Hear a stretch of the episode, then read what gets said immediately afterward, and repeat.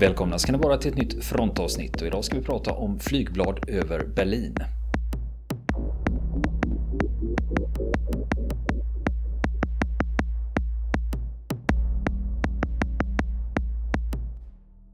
I det här avsnittet ska vi prata med artisten Stefan Andersson som har satt upp showen Flygblad över Berlin där temat är Sverige under andra världskriget. Ja, det är väl en eh, väldigt lång bakgrund eh, till att skriva en eh, föreställning som handlar om andra världskriget. Och för att förstå den processen så måste jag nog säga att jag har skrivit fyra historiska plattor innan.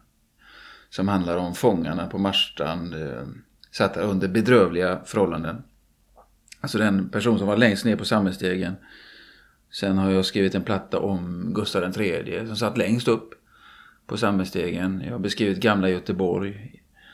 Jag har beskrivit eh, det svenska Ostindiska kompaniet. Och allt i, i, med, i förenat med en föreställning. Eh, med, med livemusik och, och prat och garv. Den här föreställningen eh,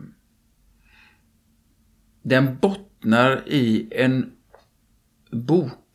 Jag gick in i en bokhandel för, eh, låt oss säga 15 år sedan och, och, och säger till eh, killen som står vid disken, du ge mig den bästa boken du har. Eh, och då säger han, jag vet inte vad du tycker om. Och, nej, det var inte det jag frågade. Den bästa boken du har, alltså vad du tycker. Och då kom han med en tjock tegelsten. Eh, som hette Kodboken. Det handlar alltså om koder. Eh, och det är så avancerad matematik. Men jag plöjde den där boken. Och då och då så tyckte jag mig förstå sammanhangen. Eh, jag tyckte det var väldigt, väldigt spännande. Eh, den där boken och intresset för kod gjorde att jag snappade upp ett namn för några år sedan. Det var Arne Börling. Eh, professor i matematik. Den här killen var med om att koda av tyskarnas trafik mellan Oslo och Berlin. Och det gjorde han på ett sällsynt eh, enastående sätt. Den här maskinen som tyskarna använde för att de använde, använde våra eh, svenska telegrafer. Jag hade fått lov att göra detta också. Eh, först så hörde vi deras meddelanden i klartext och sen så blev det kodat. Eh, man sammanställde då skickliga matematiker. Arne Börling var en av dessa. Och han lyckades då knäcka den här koden eh, med papper och penna på tre veckor.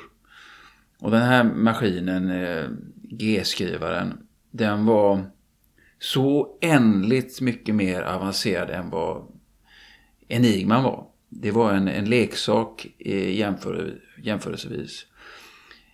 Det där var nog grogrunden till att här finns en historia att berätta Eh, vissa känner till den här historien men långt ifrån alla.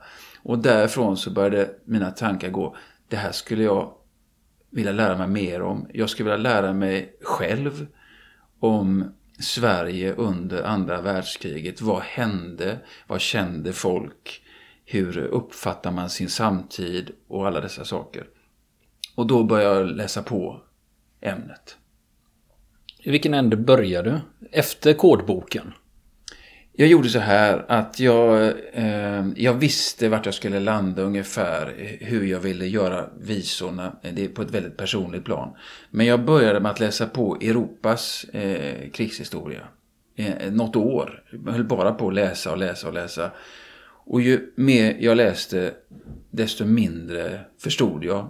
Eh, det var min upplevelse av detta. Till slut så kunde jag inte läsa mer om den här historien. Fick inte plats i mitt huvud. Och då började jag Eh, läsa om Sverige under andra världskriget. Och läste tills jag inte orkade längre helt enkelt. För det finns så ofantligt mycket att läsa. Under den här processen så hade jag snappat upp eh, vissa intressanta eh, händelser, eh, öden, personlighetsskildringar som jag hade skrivit ner.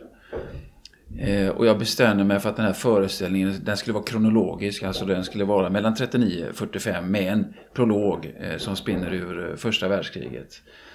Och sen ville jag dramaturgiskt berätta om de där åren på föreställningen. Dels vad som hände i Europa men även i Sverige och sen dyka ner i ett personligt öde under den här tiden för att eh, förmänskliga den här, eh, den här situationen de här åren. Var hittade du det här personliga ödet någonstans? Ja, de hittar man överallt. Eh, det går inte att undgå. Alltså alla som eh, var med under kriget, de har en historia att förtälja. Eh, alla som var i familjerna kring de här människorna som drabbades av kriget eller medverkade i kriget. De har också en historia att, att berätta. Så det, det är absolut inga som helst problem att hitta historier. Men urvalet är ju nästa fråga då. Ja, det fick jag gå på min magkänsla, det jag själv tyckte var mest intressant. Eh, det, det beskrev jag.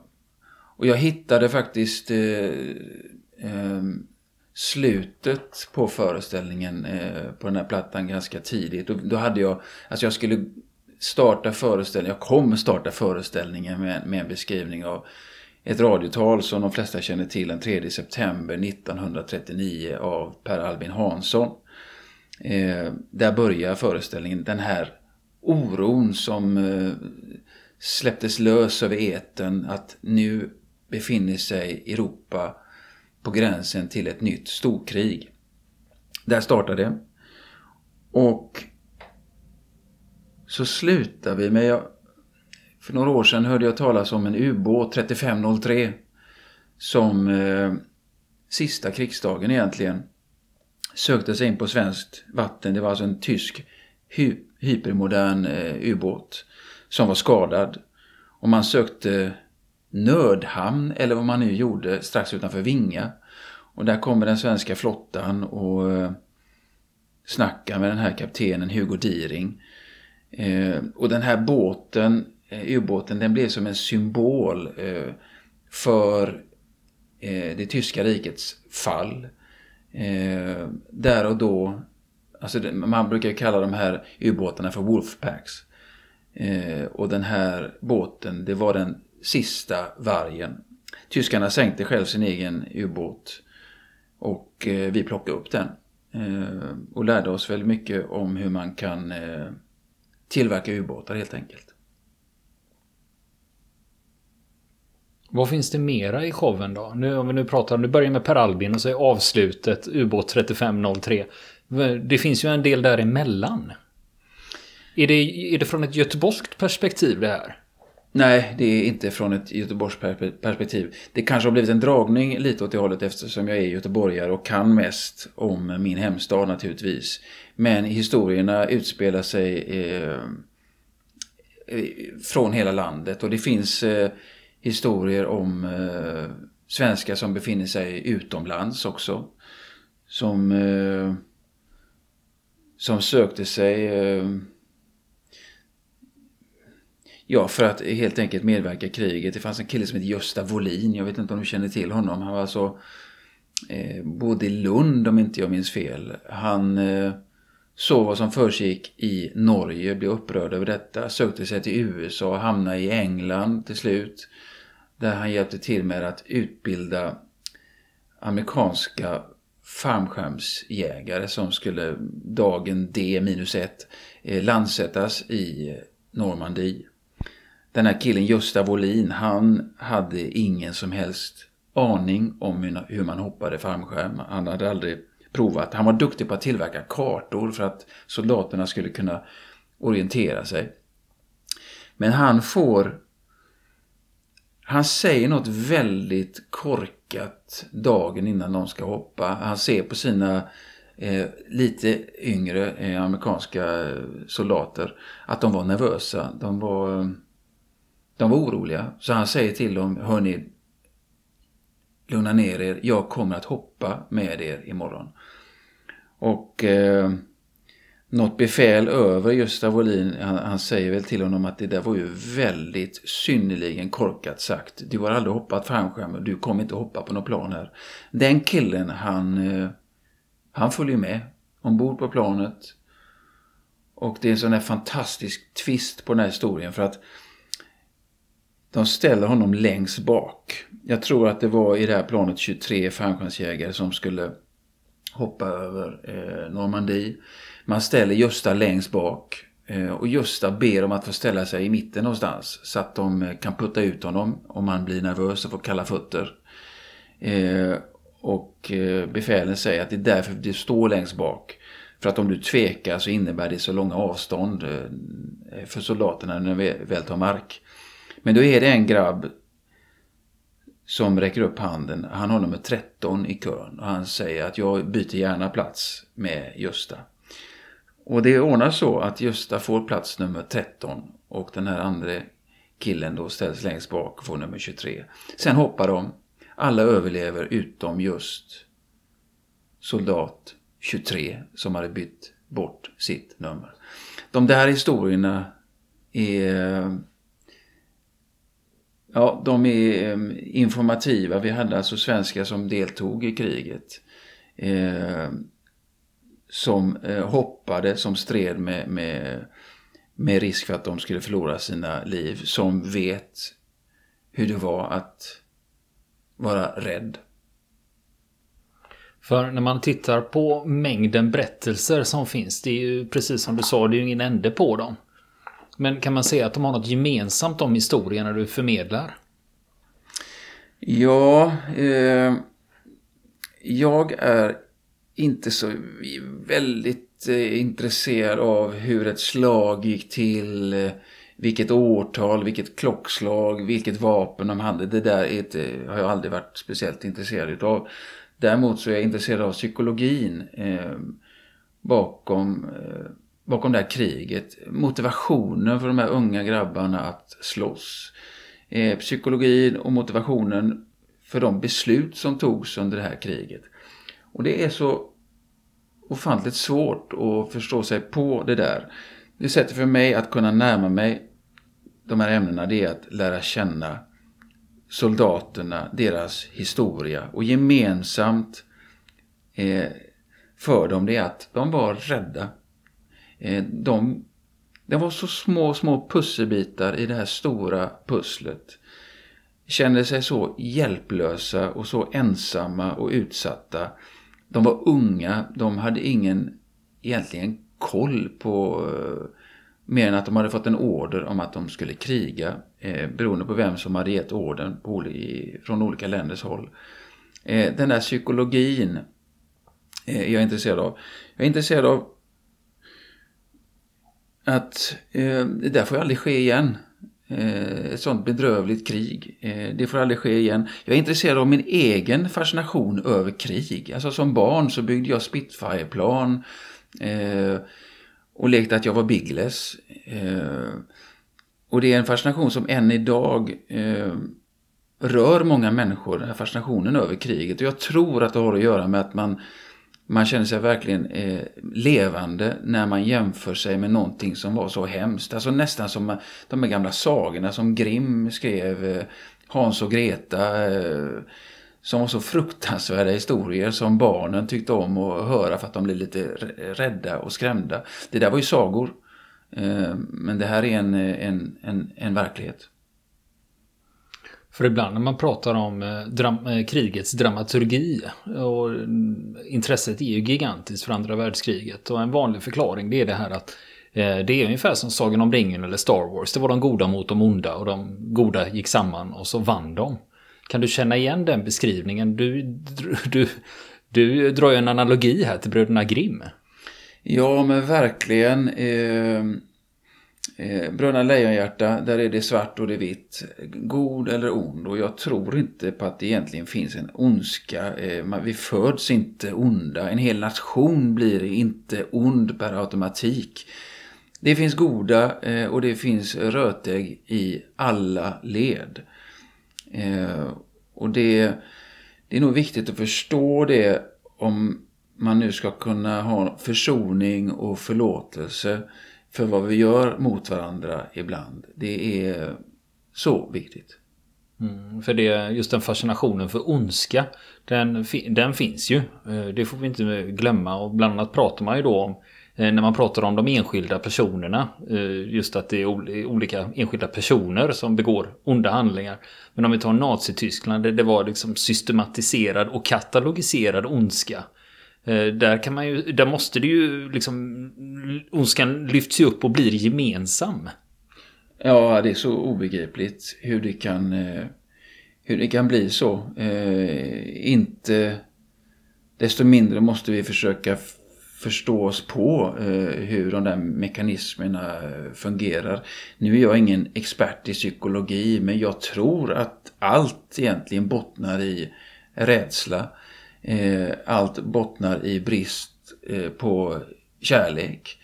Eh, den där bristen kan ta sig olika former. Den kan bli ett, eh, ett maktbegär, ett, eh, att lyfta fram sig själv. Här är jag, jag, jag syns, alltså finns jag. Och, och de där eh, ränderna kan man se i, på alla sätt eh, i en eh, i en familj, i en stad, i ett land, i en, i en kontinent. Det, är, det finns sådana mönster som jag tror att man måste vara vaksam på. Det handlar också om egenansvar. Ehm, jag har en av låtarna på, på den här nya plattan på föreställning som heter ”Monster till mig. Och det, det belyser just det att det bor någonstans ett monster i mig. Det bor ett monster i dig. Det bor ett monster i oss alla. Om vi petar på rätt punkter i, så kan det här monstret titta ut. Och det kan vara ganska fruktansvärt. För när vi tittar på nu med showen då som ska skildra Sverige och även Europa under andra världskriget. Eh, det är ju också ett problem när det gäller historieberättande. Eh, när det gäller... För det, det, är ju inte homogent på det viset. Man kan ju inte säga så här att under andra världskriget så gjorde svenskarna så här och svenskarna tyckte så här. Utan det är ju extremt mångfacetterat. Eh, hur har du gjort för att handskas med den balansen? Ja, jag, jag kommer inte stå med några pekpinnar och eh, berätta hur det såg ut. Eller, eller eh, alltså vad, hur, generalisera vad människor tyckte. Det är precis som du säger, jag, jag kommer berätta eh, och förklara på sånt sätt. Så Vi tyckte olika. Eh, beroende på vem du var, vilken bakgrund du hade, vad du hade för erfarenhet i livet. Så, så tyckte du, precis som idag, vi tycker olika om så oändligt många ämnen. Problemet eh, är också detta, och det har jag märkt med mina andra historiska föreställningar också, att det är så omöjligt att försöka eh, se en, en dåtid med nutidens glasögon. Eh, problemet är att du måste ta på dig dåtidens glasögon. Då har du en möjlighet att försöka eh, närma dig ett ämne på ett, eh, på ett sant och riktigt sätt.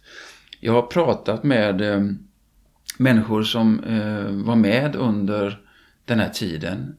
Jag träffade en 98-årig kvinna bara häromdagen. Som befann sig i, i, i England när Chamberlain kom hem efter samtalen med, eh, med Hitler. Eh, hon stod där och, och, alltså hon har varit med länge. Och hon var, hon var med och satt som, eh, kallar man hon Lotta? Hon, hon, var, hon var Lotta, hon satt och spanade i, här i Sverige då efter flygplan och rapporterade vilka, var de kom ifrån, vilken nationalitet planen hade och så vidare och rapporterade detta vidare. Och så jag frågade henne, var ni rädda i Sverige? För det är lätt att tro att eh, alla gick omkring och var rädda för det här kriget. Och hon sa, nej jag var inte, jag var aldrig, det var ingen som var rädd här. Eh, inte någonting. Nej, det var ni inte oroliga? Jo, vi var oroliga för att vi inte skulle få vårt kaffe. När, eh, när jag växte upp, så, när jag tänkte på andra världskriget, så, så tänkte jag att det föll bomber överallt. Hela tiden, i vartenda hörn i Europa. Det gjorde ju inte det. Hur har det gått till när du har fört över de här historierna till att bli musik då? Ja, eh, alltså en, en, en låt. Nu man, det tillåts inte att säga hur, det är ingen roman vi pratar om. Det är ett visst antal tecken. Eh, Så du måste vara väldigt noga när du, eh, när du skriver dina texter. Det tog mig ett tag just med den här plattan att hitta uttrycket. Det ligger så nära i tiden så man får man får skriva det på ett speciellt sätt. Det måste finnas en, finnas en respekt i, i språket. Personen jag beskriver, eh, jag har tagit reda på så mycket, mycket jag kan om personen i fråga. Intervjuat eh, släktingar till den jag beskriver och så vidare. Sen är det så med, med mina låtar att, och jag har sett på mina låtar så i många år att det, det är inte bara en låt, det är en historia jag berättar innan låten eller möjligtvis efter låten. Det är kombination, det ger hela historien. Sen får man jobba mycket med eh, alltså, ett språk som eh, med laddade kärnfulla ord och eh, alltså ett ord kan måla upp en hel värld. Om jag säger ordet Liseberg till dig exempelvis så uff, ja, men då ser du karuseller, du ser alltihop och det, det, det nyttjar man som textförfattare att man försöker hitta de här laddade orden så man slipper beskriva eh, för mycket utan man, man bygger upp en värld. Och sen vill jag låta personens känslor komma i fokus. Vad som hände men framförallt vad personen kände. Mm. Men eh, bygger alla de här historierna på verkliga personer?